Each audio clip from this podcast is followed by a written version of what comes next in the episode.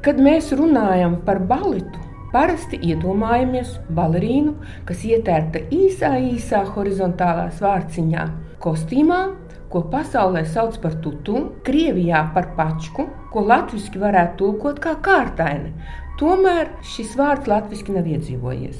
Bet vai tu zini, kā šis skatuves kostīms ir kļuvis par klasiskā baleta neatņemamu sastāvdaļu un kādas neticamas izmaiņas savā tapšanas laikā tas ir piedzīvojis? Baleta kostīmu karaliene Tutu īsā forma, kādu mēs to pazīstam šodien, ir veidojusies 200-300 gadu garumā, un to virzīja gan dēļas tehnikas attīstība, gan politika un revolūciju mainīgā ekonomikas ietekme. 17. gadsimtā dejotāju tērpu fasoni daudz neatšķirās no sabiedrības modes. Dejotāju svārki bija līdz zemē, ar iezīmētu pagarinātu tāliju un ļoti paplatinātiem gurniem, ko radīja speciāli abažūri. Toties vīriešu skatuves kostīmiem bija zvanveidīgi svārki no cietiem audumiem, kas atgādina tutu siluetu. Līdz 19. gadsimta 20. gadiem balerīnas uzstājās vienkārši skaistās kleitās. Pateicoties gadsimta sākuma modei uz antīko laiku, populārs kļuva ampīra stils. Dāmas sāka nesāt gaisīgas, puscaurspīdīgas kleitas ar paaugstinātu tāliju. Tās pat nedaudz slapināja, lai labāk piekuļ pie ķermeņa. Šis stils rosināja arī ideju soļu attīstību. Tomēr 19. gadsimta 30. gados notika īsts apvērsums. To radīja baleta kostīma tutu patiesā priekštece, slavenais meža laumas silfīdas kostīms, kas 1832. gadā tika izgatavots galvenās lomas izpildītājai Marijai Taljonī, viņas tēvam, baletmeistera Filipo Taljonī, pirmajam baleta silfīdas iestudējumam ar Žana Šneitshofera mūziku. Kostīma ideja bija radīt ilūziju par nereālas būtnes, silfīdas, tēla vieglumu un gaisīgumu.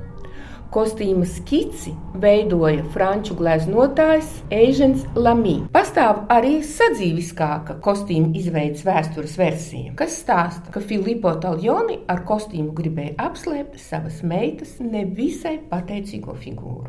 Tolaik šis jaunais kostīms izraisīja īstu furoru. Kaut arī kleita pārklāja balerīnas ceļus, sākotnēji to uzskatīja par nepieklājīgu. Ar šo kostīmu, ko raksturoja vairāku kārtu viegli zvanveidīgi svārki uz korsetes, kas pasvītroja šauru tāliju un skaistu dekoltē, aizsākās baleta dejotāju kostīmu modes attīstība, kas pati par sevi attīstījusies līdz pat šodienai, kad šis tērps tiek uzskatīts par baleta kostīmu karalieni. Vēlāk, kad modē nāca Viktorijas laika tērpi, svārki kļuva arvien kuplāki un vienlaikus arī īsāki. Viens no kostīma saīsināšanas iemesliem bija sieviešu dēļas tehnikas attīstība. Tā kļuva sarežģītāka. Dejā ienāca dažādi veidi piruetes un fuetē, tādēļ svārkiem bija jākļūst vieglākiem un īsākiem.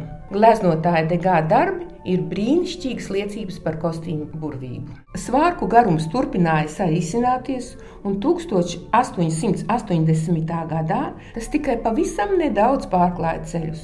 Un tad, 1896. gadā, kad nāca Ļeva Ivanova gulbju ezera skati, pačkas jau gandrīz pilnībā atsedza ceļus un kājas. 20. gadsimta sākumā Krievijā kostīms piedzīvoja strauju svārku saīsināšanos. Pie tam ļoti vienkāršā veidā. Maskavas lielā teātra prīma balerīna Adelīna Džurī bija ļoti kaprīza dāma ar raksturu, un viņai tā kā apnika, dejot pagarinātās pačkās. Vienā fotosesijā viņa gluži sievišķīgi ar tūmā esošām šķērēm apgrieza viņas prāt visu lieko. Kopš tā laika modē ienāca pavisam īsās pačkas, jeb tutu. 20. gadsimtā laikam ritot, svārku forma un stils turpināja mainīties. 1920. gados modē ienāca pazemināta tālija līdz gurniem, un šī mode ir saglabāta arī šodien. Pēc kara tutu kļuva praktiski horizontāla, kā šķīvis, pilnībā atklājot visu kāju garumu, un tas tika panākts iestrādājot svārkos īpašu metāla stīpu, kas notur svārkus horizontālā līmenī. Atgriežoties pie kostīma nosaukuma, mēs sastopamies ar vairākām versijām. Vēsturiskās liecības stāsta, ka tērpa nosaukums Tutu pirmo reizi fiksēts 1881. gadā. Un šī kostīma izcelsme nāk no auduma nosaukuma tils, kas franču valodā skan kā ķuļa. Otra versija stāsta, ka nosaukums cēlies no kostīma izgatavošanas tehnikas. Tērps krievu nosaukumu pačka, kas tulkojas kā paka, ieguva pateicoties tam, ka viss gaisīgums veidojās uz daudzo svārku kārtu rēķina. Faktiski visu materiālu salika kārtās un sašuva kopā. Latvijā mēs kostīmu arī saucām par pačku, kaut arī pastāv latviskais termins kārtaina, kas tomēr nav īsti ieviesies. Neskatoties uz dažādām tehniskām un frivolām versijām, baleta tutu, pačka vai kārtaina turpina savu uzvaras ceļu, un šodien tā ir neviena akadēmiskā baleta kostīma karaliene, bet arī sabiedrībā ļoti iecienīts tērps. Ja akadēmiskā dejā ir nostiprinājušās piecas tutu formas, romantiskā, tā kā garā, zvānu veidīga tutu, pankūkas tutu 19. gadsimta beigās un šķīvju tutu 20. gadsimtā, kā arī balančina tutu, ko kādreiz sauc arī par pūderu tutu, jo viņa ļoti, ļoti īsiņa.